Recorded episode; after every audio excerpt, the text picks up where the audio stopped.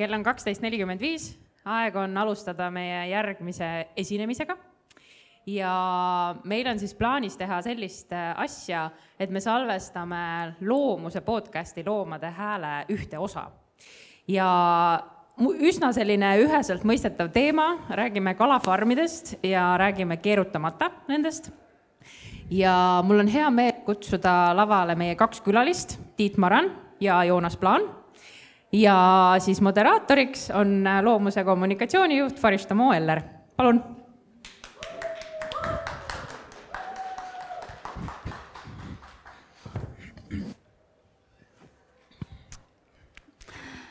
ja tere, aitäh, rõõm on seda teemat siin rääkida. hästi lühidalt, kalafarmideni me jõuame niimoodi, et me alustame angerjatest Äh, si-, ja siis jõuame kalafarmideni ja siis vaatame edasi, äh, mis saab. Äh, kui teil on küsimusi, siis siin on see number, vahepeal ma vaatan Sirlile otsa, et kas on mõni küsimus teatud hetkedel, et siis võib-olla võtame mõne küsimuse keskel ka. tere, Joonas ja Tiit, hästi lühidalt öelge palun enda kohta paar sõna ka, äkki Joonas, sa alustad? jaa mina olen siis eh, Eestimaa Looduse Fondis, eh, töötan seal kestliku kalanduse programmi juhina, aga ka kliimaprogrammi juhina. Eh, ja ma olen kaladega, kestliku kalandusega tegelikult tegelenud juba vaata kümme aastat ühel või teisel moel, et läbi oma õpingute ja, ja nüüd siis just Eestimaa Looduse Fondis. Ja juhin ka sellist projekti nagu kestliku kalatoidu juhis Kalafoor. Mm. -hmm nii, tere, jah, et mina olen hetkel Riigikogus Sotsiaaldemokraatlikus Erakonnas, aga äh, olin ennem seda natukene vähem kui seitse aastat loomaaia direktor. Ja loomaaias olen töötanud natukene vähem kui nelikümmend aastat. aga selle kõrval siis ilmselt äh, noh, mul niisugune üks põhiline kese minu jaoks on olnud Euroopa naaritsa projekt, ehk siis tehistingimustes kasvatamine ja selle loodusesse tagasiviimine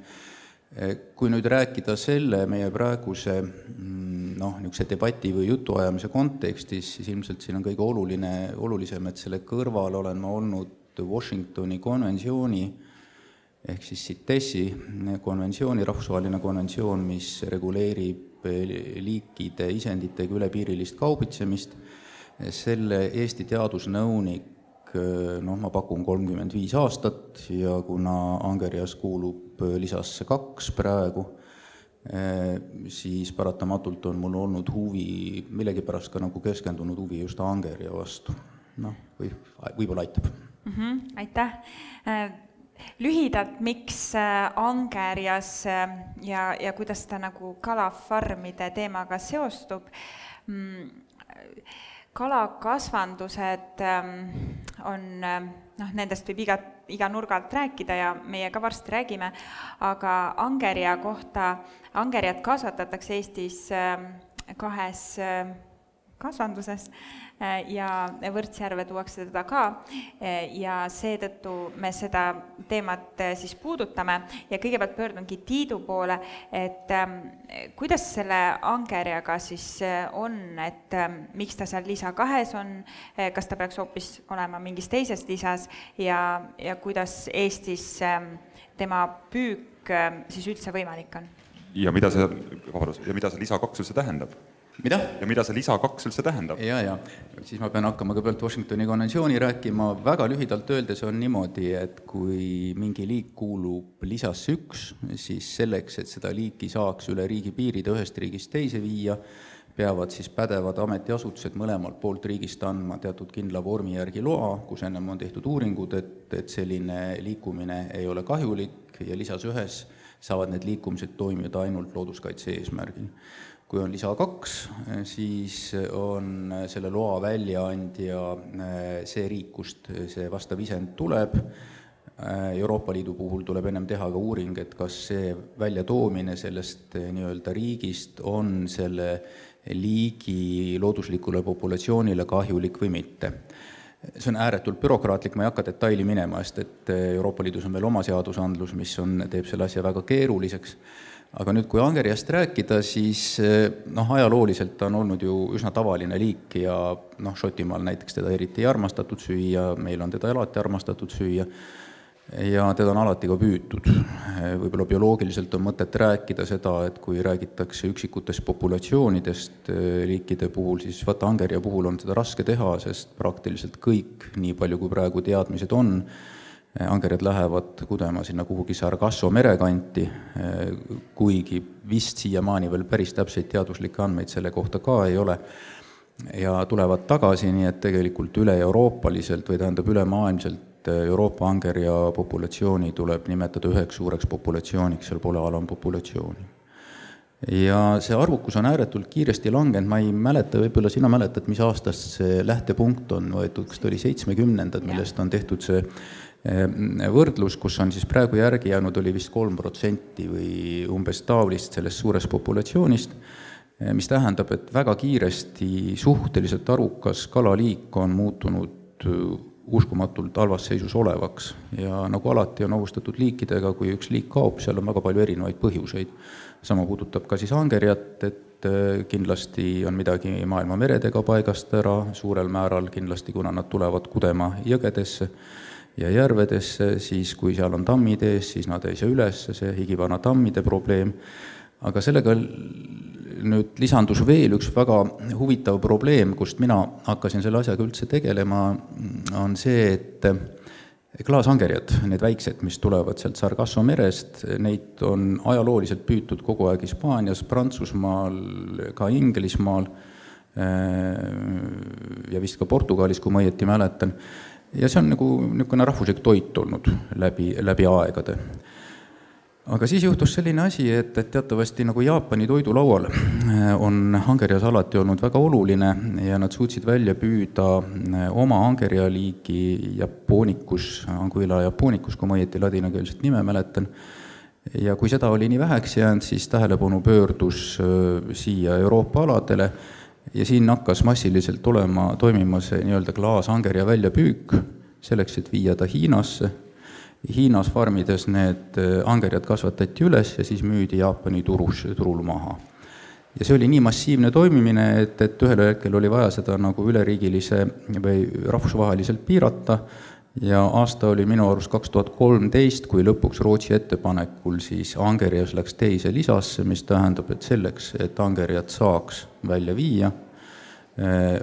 on vaja, tähendab Euroopa siis pädevate institutsioonide luba, mis üldiselt oli nii, et Euroopast välja viia ei tohi. paraku samal ajal on olemas Euroopa tegevuskava angerja päästmiseks ja seal on sisse kirjutatud, et angerjaid võib ümberasustamiseks viia Euroopa sees ja tegelikult mulle natukene ootamatu üllatusena ka, et siiski on mingisugusel kogusel lubatud teda püüda, äh, ka lihtsalt kommertseesmärkidel ja sellest nüüd tulebki see naljakas vastuolu, et, et kui, kui ühelt poolt nagu see liik on äh, hävimise piiri peal, aga teiselt poolt me ikkagi teda nii-öelda kasutame ühel ja teisel viisil, äh, siis see tundub kummaline olema ja just see ümberasustamise puhul on kummaline sellepärast, et see klaasanger ja surevus püügihetkel on väga kõrge Eh, loomulikult korralikke uuringuid on väga rahe teha, ma ainukest uuringut, mis ma olen näinud, see väitis seal viiekümne kuue kuni kuuekümne protsendi juures on surevus, siis tuleb transpordi surevus, lahtilaskmise surevus, kõik need otsa. siis teiselt poolt räägitakse sellest samast naaritsa või naaritsa, eks ju, eh, angerja kasvatusest ja vot selle kasvatusega on selline asi, et, et ta tegelikult ei ole kasvatus. Inglise keeles on selline väljend nagu fattening, mis tähendab seda, et need loomad lihtsalt kasvatatakse suureks, mis on loodusest võetud, et neid saaks lõpuks siis äh, turul kuskil müüa. et nad ei, nad ei paljune tehistingimustes, seda ei ole keegi kunagi saavutanud. nii et tegelikult see ei ole oma olemuselt palju, see nüüd kasvatuses meil paljundamine, mis on, aga see on just seesama fattening, mille ma eestikeelset vastet ei tea, ja siis sealt tuleb ta meile turule, aga ka siis natukene lastakse Võrtsu järve selle väitega, et et ta läbi sealt nende elektrijaama turbiinide Narvast natukene jõuab ka merre ja sealt siis loodetavasti ka Sargassosse, aga nüüd ma rääkisin väga pikalt, nüüd ma panen suu kinni. ja nende klaasangerjate kohta hiljuti uurisime sõpradega, kuidas see püük või, või kuidas see nagu käib ja siis neid noh, püütakse just nende pisikestena ja siis müüakse edasi nagu pakkidena või see tundus täitsa hullumeelne mõelda, kuidas sul on, ma ei mäleta, kas oli viiekilosed või, ja siis samas see üks klaas angerjas kaalub äh, mingi mõni gramm või noh, see oli ka väga väike number, ma ei mäleta täpselt, mitu tükki neid siis seal selles kilos oli, igal juhul me arvutasime kuidagi niimoodi välja, et, et selle ühe klaasangerja hind justkui oli mõni penn et nii, ja, ja siis sealt nagu edasi, et lihtsalt see taust võib-olla selle nurga alt. aga nüüd sellest ümberasustamisest korraks võib-olla Joonas, et see, et ta tuuakse ja ma ei, ma ei tea, kui palju teie sellega kursis olete, minu kogemus on see, et inimesed üldse isegi ei kujuta ette, et äh, ta ei ole siin kuidagi loomulikult nagu Võrtsjärves või, või meres või et, et inimene kuidagi ise nagu kaasa aitab ja et see oleks kuidagi angerja populatsioonile halb, et võib-olla sa valgustad korraks seda? et võib-olla alustuseks tooks veel ühe kategooria veel juurde angerja puhul, et me siin rääkisime sellest teisest, teisest kategooriast, aga, aga kui nüüd vaadata maailma looduskaitseorganisatsiooni kategoriseerimist, kus kohas angerjas asub. Ja angerjas on vot see sest ta on kriitiliselt ohustatud liik. sellest järgmine kategooria on välja surnud. see, see nagu näidustab seda, kui halvas olukorras see, see loom on kahjuks ja me vahetame mikrofoni jah, et me loomuses kasutasime sellist võrdlust, et isegi panda, hiidpanda on nagu veidi nagu paremas seisus kui angerjas. jah, ja, ja, ja keegi me ei kujuta ette, et me hiidpandat kasvataksime selle jaoks, et siis seda süüa ja, ja toidulauale tuua aga jah, sellest ümberasustamisest rääkides, eh, siis eh, tegelikult see Võrtsjärve on eh, ümber asustatud, angerjat juba siis viiekümnendatest alates, Nõukogude ajast, ja, ja peamise eesmärgiga selleks, et teda siis tegelikult teaduslikult uurida ühelt poolt ja teiselt poolt ka siis ikkagi kohalikule kaland, kalurkonnale üks lisaliik juurde tuua. ja, ja täna me paraku olemegi sellises olukorras, kus siis noh, minu hinnangul see Võrtsjärv on vägagi sarnane ühele suurele kalakasvandusele või siis,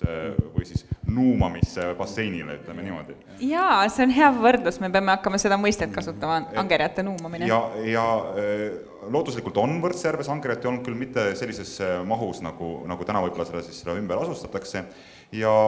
üks eesmärk, miks seda tehakse, eh, paberi peal vähemalt, ongi see, et ta on looduskaitseline meede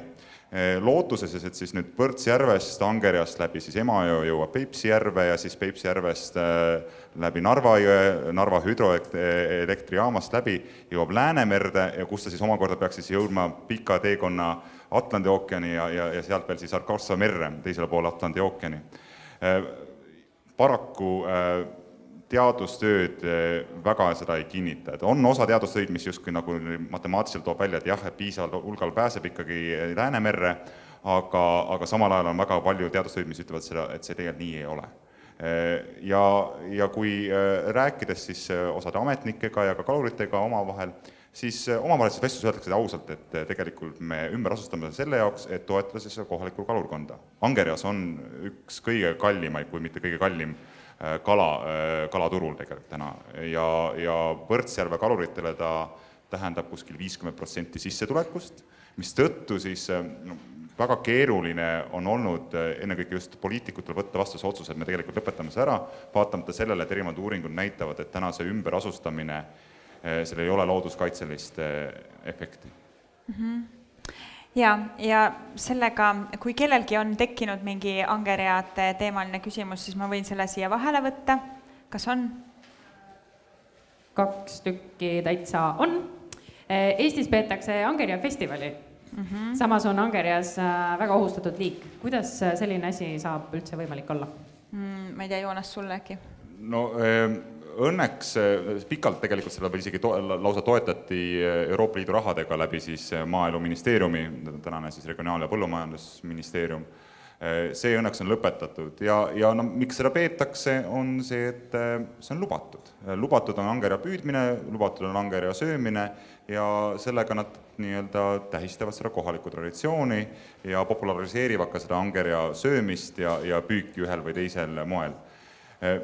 miks see on lubatud või miks see, miks see ikka endiselt toimub, sest et keegi seda ei keela. siin on see moraali küsimus, et kas me, kas me tegelikult tahame tähistada kriitiliselt ohustatud liigi väljapüüki ja selle söömist, et, et noh,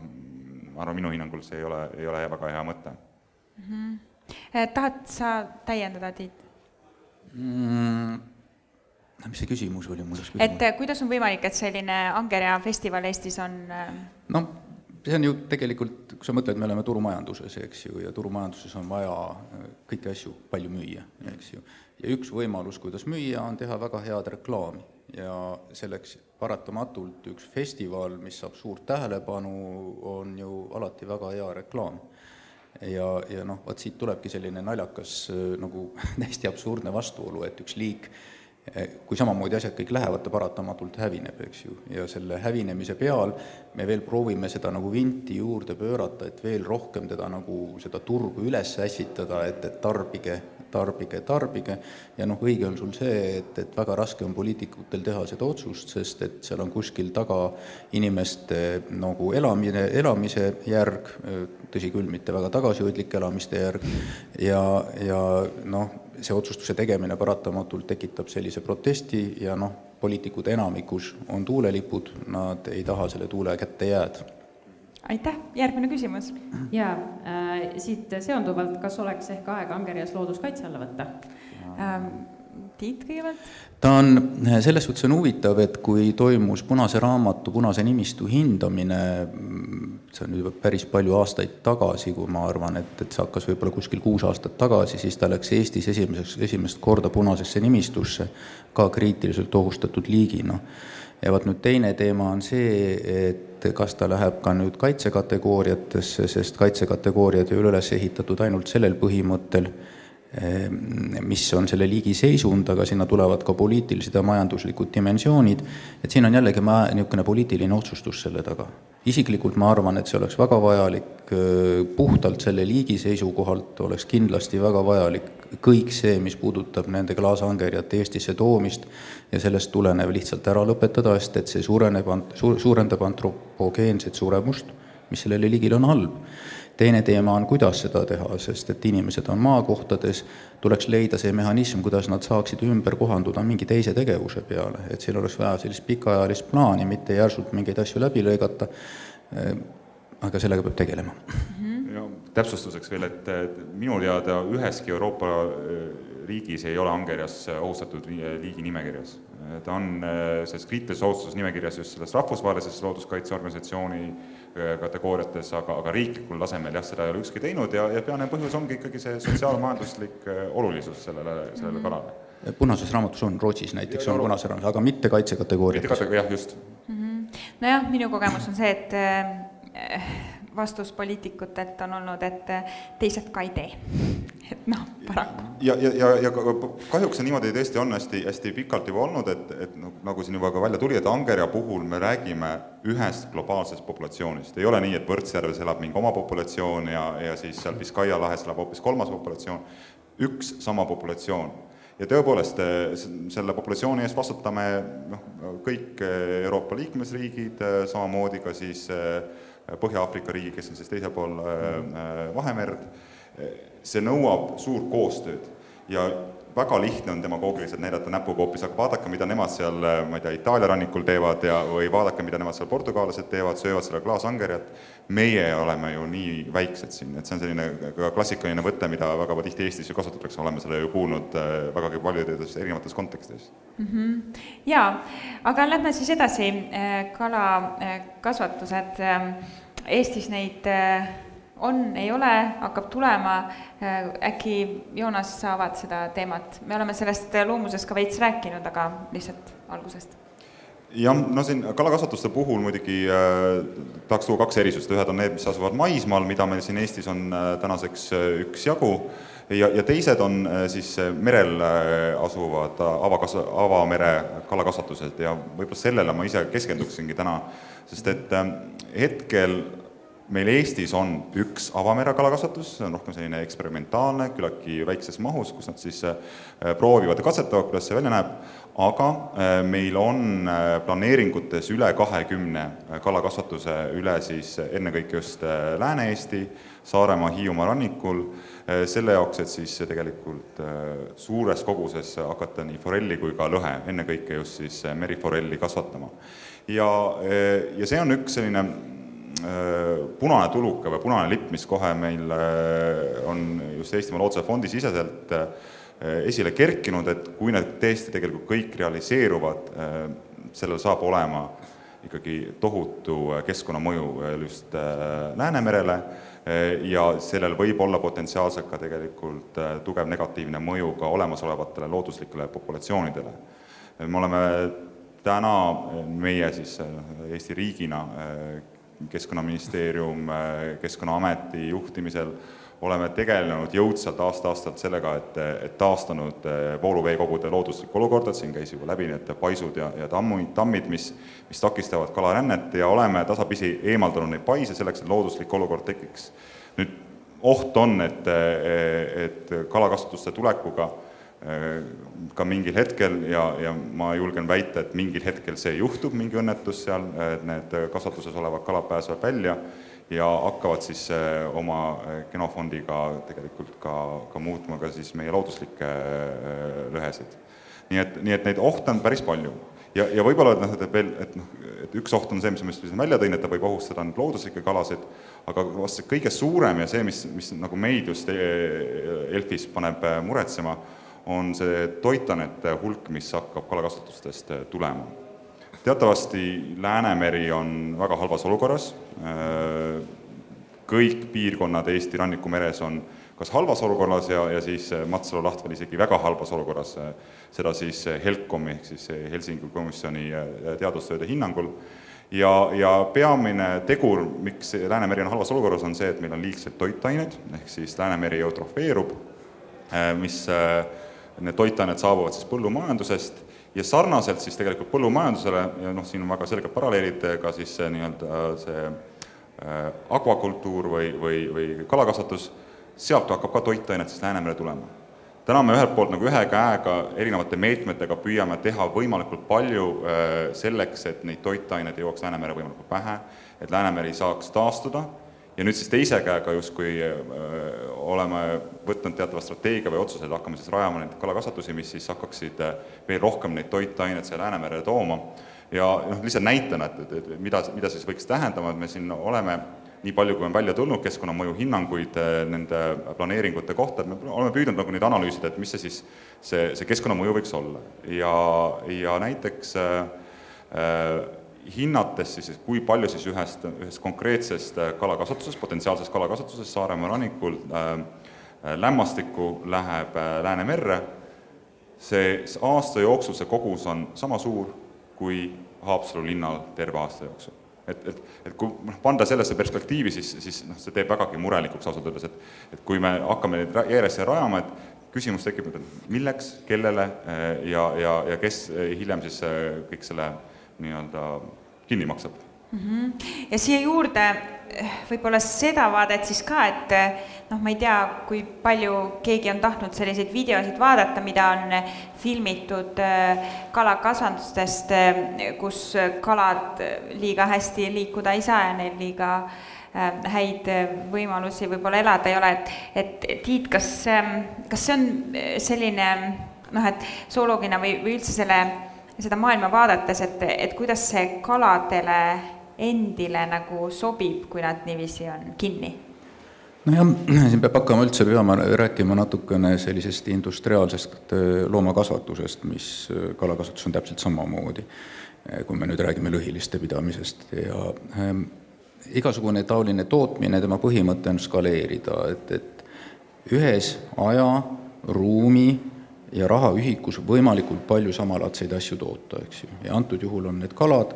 ja sa pead neid kokku suruma, sest et vastasel korral sa ei saa seda minimaalset kulu, et saaks teda suurema summa eest välja müüa, eks ju. ja paratamatult siis tekib see, et sa pead kõik asjad kokku suruma võimalikult tihedale alale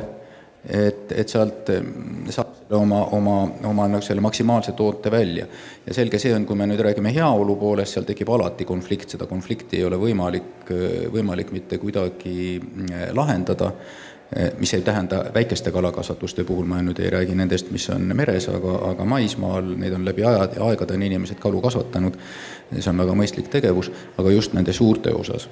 Ja ma tahaks suurte osas välja tuua ka selle, et mis on nagu väga oluline, sa ütlesid seda, aga ma rõhutaks seda noh, näiteks Norras, mis on tegelikult ju ookeanisse lahti, eh, need kalakasvatused, aga nad ei ole ülejäänud merest ela, eraldatud. et kõik see, mida sinna tihedasse alasse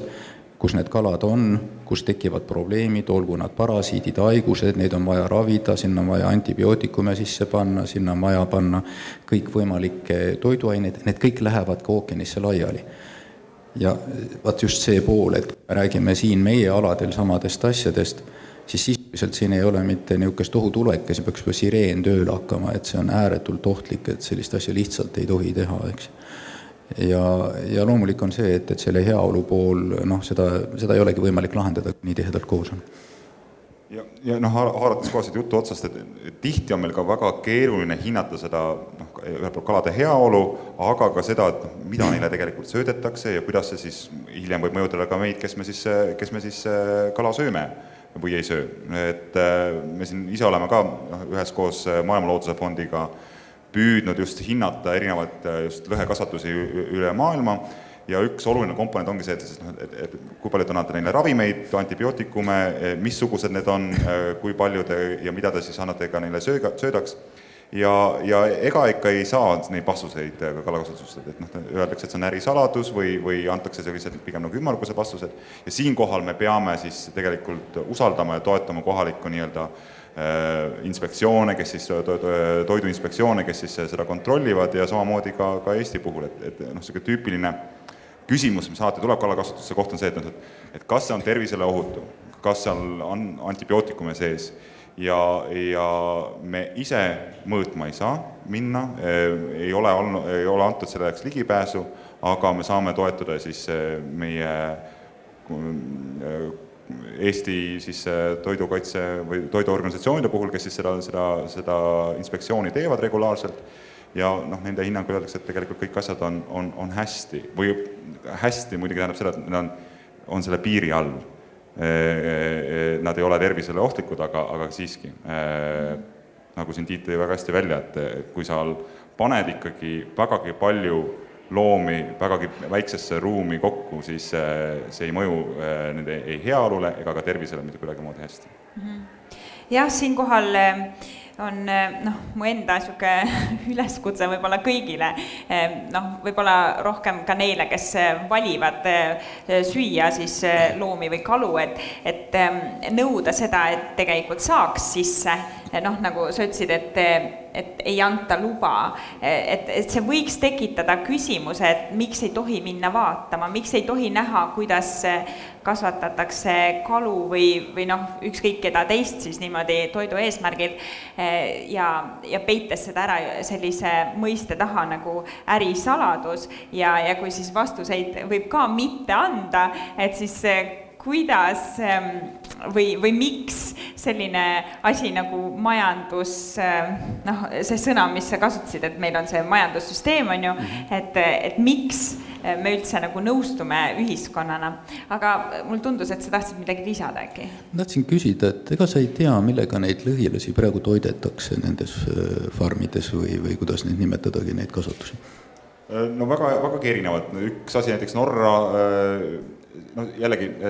kalakasvatusi on väga erinevaid ja võib-olla ei olegi hea siin tehniliste mm -hmm. detailidesse sisse minna. Ja ka see, mida toidetakse, see on ajas muutunud ja, ja, ja aina rohkem kerkib esile, kus siis sellised nii-öelda jätkusuutlik äh, toitumine või et kasutatakse keskkonnasõbralikke toitumise. Ja üks asi näiteks, mida siis tehakse, et püütakse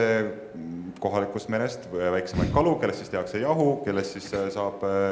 valmistada siis kalatoitu meie enda räim Läänemerest äh, paljuski jõuab tegelikult ka Norra, kus ta siis äh, läheb rõhilaste äh, toiduks, aga on ka teada seda, noh, et jällegi selline turundusvõte, kus siis öeldakse, meil on meil on taimetoit, taimetoidul põhinev lõhe, et põllumajanduses siis näiteks kasutatakse erinevaid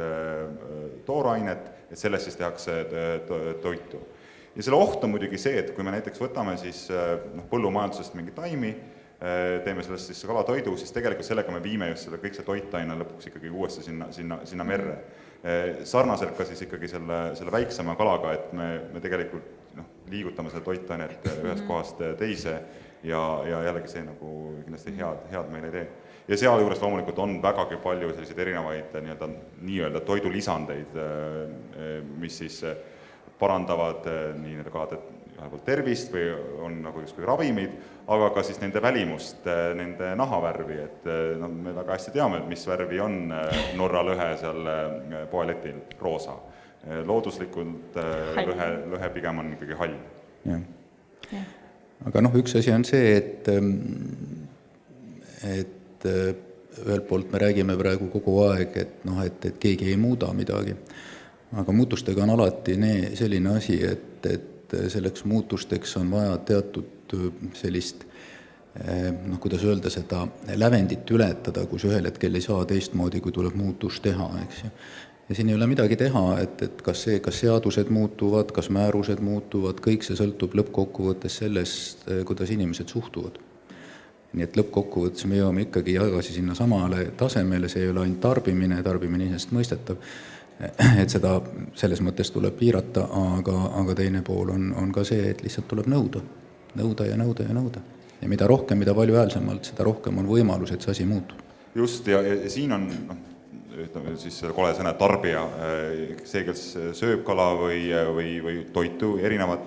tema roll on noh, äärmiselt oluline siin, et kuidas me, kuidas me neid valikuid teeme ja missuguseid signaale me kasutame. siis kui kuulata siin osade näiteks äh, poliitikute juttu, siis öeldakse, et noh, aga meil on toidujulgeolekut vaja nagu tagada. ja, ja üks, üks, üks viis selle puhul ongi see, et noh, siis rajame hästi palju neid kalakasvatusi, sest et me oleme mere tühjaks püüdnud ja, ja, ja, ja kala on aina vähem seal meres, et nüüd justkui siis, siis see, et me siis rajame neid kalakasvatusi, see justkui võiks tagada selle toidujulgeoleku. ma arvan, see ei pea niimoodi olema, et, et see toidujulgeolek saab tagatud ka ilma selleta, kui neid suuri kasvatusi hakatakse siis, just nimelt suuri industriaalseid kasvatusi hakatakse siis merre rajama. sest et noh, nagu ka Tiit siin, siin korra mainis, et need, mis maismaal meil siin on, pigem on ikkagi vägagi väiksed äh, kalakasvatused. Nad, äh, sellist suurt skaleerimist ei, ei ole, ei ole äh, maismaal, aga nii, kui me merele läheme, siis need investeeringud lihtsalt on niivõrd suured, et see ettevõtja, kes seda, seda planeerib, ta püüabki seda skaleerida ja ikkagi vägagi suures mahus seda kasvatada ja, ja, ja sealt hakkavad ka noh, vägagi erinevad suured ohud tulema. Mm jaa, kuskilt, ähm, ma ei tea, kas see enam kehtib, aga, aga oli selline võrdlus toodud, et mm, see kalakasvatuse kala, et ta on söönud vähemalt enda jagu või, või rohkem selleks hetkeks, kui ta siis noh, inimesele justkui toidulauale saab eh, seda merest püütud kala ja siis noh, me tegelikult toetame sellega justkui seda merede võib-olla tühjaks püüdmist, aga kas on küsimusi vahepeal tekkinud? jaa, täitsa isegi on Äh, kas me juba praegu näeme ka Eesti vetes Läänemeres kalakasvanduste poolt tekitatud eutrofeerumise efekte? nagu ma ütlesin, siis Eesti rannikumeres on meil, on praegult ainult üks niisugune kalasump ja see on küllaltki väiksemahuline, eks me sealt saame andmestikke, loomulikult sealt läheb toitained, aga noh, et, et vaadates, kui, kui nagu panna seda suuremasse pilti, siis, siis on raske nagu hinnata, kui palju see, see mõju on, et ikkagi täna just kui me räägime Eesti kontekstis, siis see peamine äh, toitainete allikas on põllumajandus, äh, kus ta siis äh, läbi ojade, jõgede jõuab, jõuab merre, nii et ja, ja no vaatamata sellele, et me täna veel ei näe seda, siis me selgelt noh, Elfina püüame olla see nii-öelda see, see valvehüljes ja, ja, ja, ja, ja juba varakult nii-öelda näpu panna peale, öelda, et noh, kas meil on ikkagi seda tegelikult vaja ja, ja need trendid ei ole tegelikult äh, võib-olla väga head mm. -hmm. kuidas on võimalik, et infot, mis mõjutab keskkonda ja rahva tervist, võib pidada ärisaladuseks? Äh, ma ei tea, Tiit, sul äkki? Äh, ma ei oska vastata sellele küsimusele, ma ei oska konkreetset konteksti, oleks vaja teada. Vot seadusega on sellised naljakad asjad, et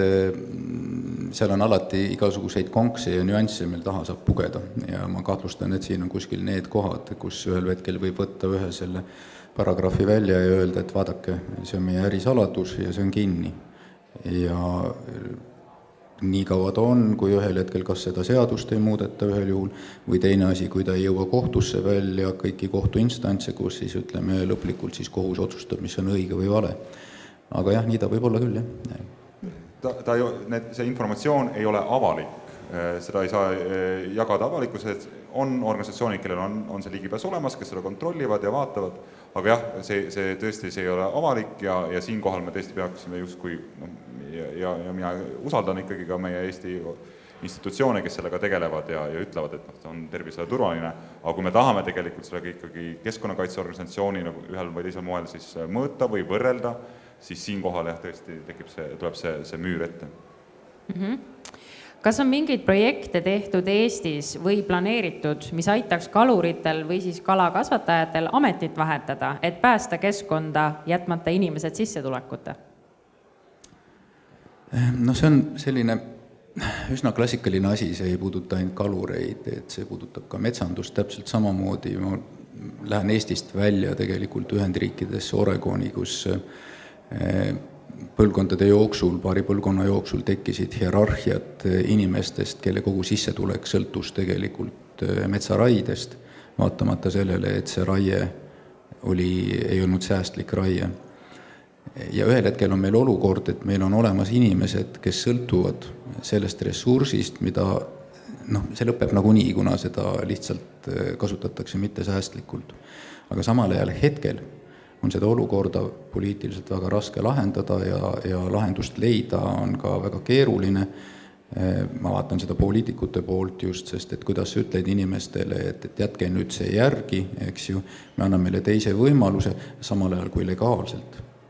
see süsteem ju töötab. Neil on ju õigus seda teha, eks ju. ütleme, riigi toetused võivad maha minna, kui me räägime angerjatest, see on üks asi, aga teine, samal ajal kui Euroopa Liidu sees on olemas korraldused ja seadused sellised, et põhimõtteliselt seda saab teha, siis ütleme, siin kohaliku valitsuse poole pealt on ka seda väga raske teha, nii et, et see ei ole ainult mingi asi, mida saaks siin Eesti-siseselt teha, maailm on tohutult kokku põimunud, sidunus, sidus. et see paratamatult jõuab Euroopa Liidu tasemele ja veel kaugemale välja kõikides nendes kohtades et see ei ole lihtne, aga sellega peaks kindlasti tegelema, aga ütleme, kui nüüd jälle nendest üksikutest farmidest siis välja pakkuda mingisugusedki skeemid, kuidas nad võiksid liikuda, või et anda üleminekuaeg, noh, ma toon siis see karusfarm, karusloomafarmi teemad, et kus, kus karusloomafarmid on kinni pandud, anti märkimisväärselt pikk üleminekuperiood, et kapital saaks ennast ümber kapitaliseerida kuhugi mujale mis minu arust on väga mõistlik lähenemine, et, et sa ühelt poolt lahendad probleemi, see on antud juhul siis heaolu probleem, aga teiselt poolt annad ka võimaluse majandusel ennast ümber kujundada, nii et ta saaks noh, edasi toimida, et inimesed ei jääks lihtsalt äkitselt täiesti ilma tööta. ma ei tea, kas ma vastasin küsimusele. vastus vist oli ei ja, ja mina ütleksin tegelikult ei ja jaa, et, et tegelikult noh, juba nüüd siin vaata, et neliteist aastat äh, on, on just, äh, kui me räägime Läänemere ääres asuvaid kogukondadest, siis äh, Euroopa Merenduse, Kalanduse ja Vesiviljeluse Fondist on päris palju rahastatud erinevaid programme, projekte, et ühelt poolt siis kas siis inimesed saaksid ennast ümber treenida, just kalurid, et saaksid ennast ümber treenida uutele ametitele, või siis ka nii-öelda mm, rikastada oma, oma ametit või sissetulekuid selle kõrvalt, et, et kala lihtsalt meres ei ole ja see sissetulekut on vähe. et sellised programmid on aga nüüd, kui me tuleme siia sisemaale, siis sisemaal paraku me seda ei näe, et ja üks asi, mida me oleme nagu, ma väga palju käin Põrtsjärve ääres ja, ja vihaste ja vähem vihaste kaluritega seal vestelnud äh, selle angerja teemal, ja, ja üks nagu meie sõnum on ka olnud ennekõike just ametlikele riikidele, et, et Võrtsjärv vajab sarnaselt Ida-Virumaale õiglast üleminekut. Mm. -hmm me tõesti noh, nagu juba mainisin, see, see angerjas tähendab tõesti noh, üle poole nende sissetulekust nendele, nendele viiekümnele kuulele kalurile ja nende perekondadele ja, ja, ja sealt edasi ka loomulikult edasimüüjatele ja nii edasi. me vajame õiglast üleminekut selle jaoks, et, et see kalur saaks siis äh, kas siis ümber orienteeruda uutele ametitele, aga miks ka mitte tegelikult äh, liikidele, kellel läheb väga hästi Võrtsjärves ja, ja, ja, ja, ja senimaani on see kuidagi jäänud niisuguseks äh, karjaks kõrbes, et keegi justkui ei kuula ja isegi siin ühel hiljutisel koosolekul, kus ma käisin, siis üks kõrge riigiametnik siis lõpetuseks seal niimoodi tõusis püsti ja, ja hõikas, et püüame nii kaua, kuni Euroopa Liit selle ära keelab nii kaua jätkame sellega, sest et see on oluline sissetulek ja, ja, ja ongi noh, niisugune nagu noh, naljakas olukord tekkinud, kus siis, kus siis justkui saadakse aru, et ega seal pikka pidu ei ole, aga, aga väga ei taheta ka mõelda seda, et mida siis teha järgmisel päeval, kui, kui see pohmell saabub. Ma äkki küsin viimase küsimuse, siis aega kokkutõmbamiseks. kas kestlik kalandus on üldse olemas või oleks kõige kestlikum siiski mitte kala püüda? no see on väga hea küsimus ja äh, jah, kõige kestlikum tõesti oleks äh, suuresti ikkagi see kala sinna, sinna merre jätta või tema elukeskkonda jätta samas, kui me vaatame globaalset pilti, äh, siis äh, globaalselt, no ma võin siin eksida selle, selle numbriga ja eks see on niisugune orienteeruv ka, on kuskil viiskümmend miljonit inimest, kes, kes vägagi otseselt äh, sõltuvad kalapüügist ja kalasöögist kui oluline toitaineallikas nende jaoks. väga keer-, ja, ja tihti need inimesed on kolmandatest riikidest, vaestest piirkondadest, et väga keeruline on siin niimoodi lääne ühiskonna liikmena minna ja öelda, et kuulge, et teie siin Indoneesias lõpetage see kalapüük ära, sest et, et noh, on halvasti aga kui me tuleme nüüd siia nagu siia, siia, siia Euroopa konteksti, vaatame, mismoodi meil siin Eestis on, äh, siis äh, jah, neid kogukondasid, äh, kes täna elatuvad ja sõltuvad kalapüügist otseselt, on aina vähem. Ja, ja, ja vaadates seda, seda nukrat trendi, kuhu me näiteks Läänemerega oleme liikumas, siis siis tulevikus arvatavasti me näeme ka aina rohkem just sellist mm,, sellist pigem rekreatiivset kalandust, kui et kutselist kalandust ja, ja äh, ma leian, et, et siinjuures ei peaks seda kõike siis tegelikult ära keelama või kinni panema, vaid ennekõike just äh, pöörama võimalikult keskkonnasõbralike praktikate poole, püüdmagi kala võimalikult vähe ja, ja püüdma seda kala, kellel pigem läheb hästi see tähendab siis seda tihti, et just needsamad need suured nagu tööstuslikud kalapüügimeetodid, ka tööstusliku kala äh, kasvatamise meetodid, tuleks ühel või teisel pool kas siis piirata või, või, või siis päriselt kinni panna, sest sealt see mõju on kõige suurem. Äh, ja, ja toetada just tegelikult seda, seda väiksemahulist rannakalandust, et sest et äh, kus sellega tegelikult on äärmiselt oluline ka see side selle, selle ikkagi veekeskkonnaga, merekeskkonnaga. mida, mida õhemaks meil see side muutub, seda vähem me tegelikult hakkame ka hoolima äh, oma kodumerest või veekeskkondadest, et, et, et seetõttu ma arvan, on oluline, et, et, teataval viisil ikkagi niisugune väiksemahuline kalandus jääks. ja see, kas kala süüa või mitte, ma arvan, et see on igaühe enda otsus ja, ja seda otsust saab teha tegelikult ikkagi võimalikult ka hästi, et selle jaoks me oleme ka ELF-ina ellu kutsunud selle kalafoori, et inimene saaks teha võimalikult keskkonnasõbralikud valikud ja süüa seda kala, mis on, ma ei tea, hooajaline, mis on kestlik, kellel läheb looduses hästi eh, ja, ja, ja vältima neid kalu, kes on ühel või teisel moel kehvas olukorras äh, jaa, meil saab kohe aeg otsa, et siis võib-olla mingi väike lõppsõna, Tiit, ja jah, ma selle kestlikkuse kohast tahaks öelda, et kui me vaatame inimkonda pikemat arengut, siis valdavas enamuses on ju kalapüük olnud kestlik. see, et ta praegu ei ole kestlik, on tegelikult jälle see industriaalne kalapüük, mis on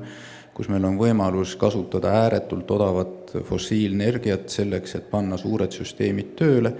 ja et tarbida meeletus koguses ja väga raiskavalt. et need on kaks erinevat asja, kui me räägime kohalikust kalurist, ükskõik kus meie rannikul ta on, kui ta püüab endale kala ainult toiduks, see on kindlasti kestlik, seal ei ole probleemi. aga nagu ta läheb sellesse suurde süsteemi, kus tarbimine on, on nagu kõige keskne koht, seda ei ole võimalik täita, see on lõputu auk, kuhu sisse panna ja siis ta enam ei ole kohe elamaid kestlik, eks ju.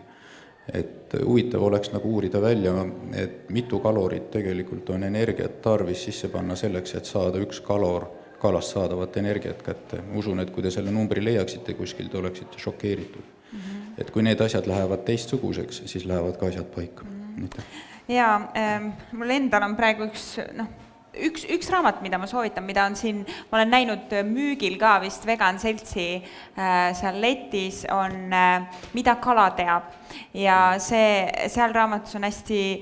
põnevaid ja hästi äh, noh äh,, omamoodi ka lõbusalt või, või selliselt kergelt välja toodud, et milline see kala omailm on. Äh, ja see vaade kaladele äh, oleneb siis ähm, palju sellest, et kas me vaatame seda selle pilguga mm, kas need äh, inimesed, kes siis seal noh, ma ei mõtle praegu Eestis, aga mis Joonas välja tõi, et, et mingitel rannaaladel, kes on võib-olla nii-öelda aegade algusest kalastamisega tegelenud, et võib-olla see on nagu mingi asi, kuhu me noh, loomuses ka nagu ise noh, ei, ei puuduta seda teemat, aga, aga see teema, et kas ähm, kala äh, äh, nagu süüa siis, kui on võimalik süüa midagi muud. Ja kui me teame, et tegelikult äh, kalade heaolu võib-olla ei ole ka nagu üldse tagatud nendes farmides, et siis igal juhul äh, noh, meie sõnum on lõpuks see, et, et mõistlik on kala jätta tema elukeskkonda aga lõppkokkuvõttes jah, äh, sooviks seda, et me suudame infot jagada, infoni jõuda äh, ja et ärisaladuse nime all ei oleks võimalik äh, varjata seda, mis tegelikult toimub. aitäh, Tiit, aitäh, Joonas, aitäh loomulikult Vegan Messile ja kõigile, kes aitasid sellel siin siis toimuma. aitäh! oli tore, aitäh! Mm-hmm.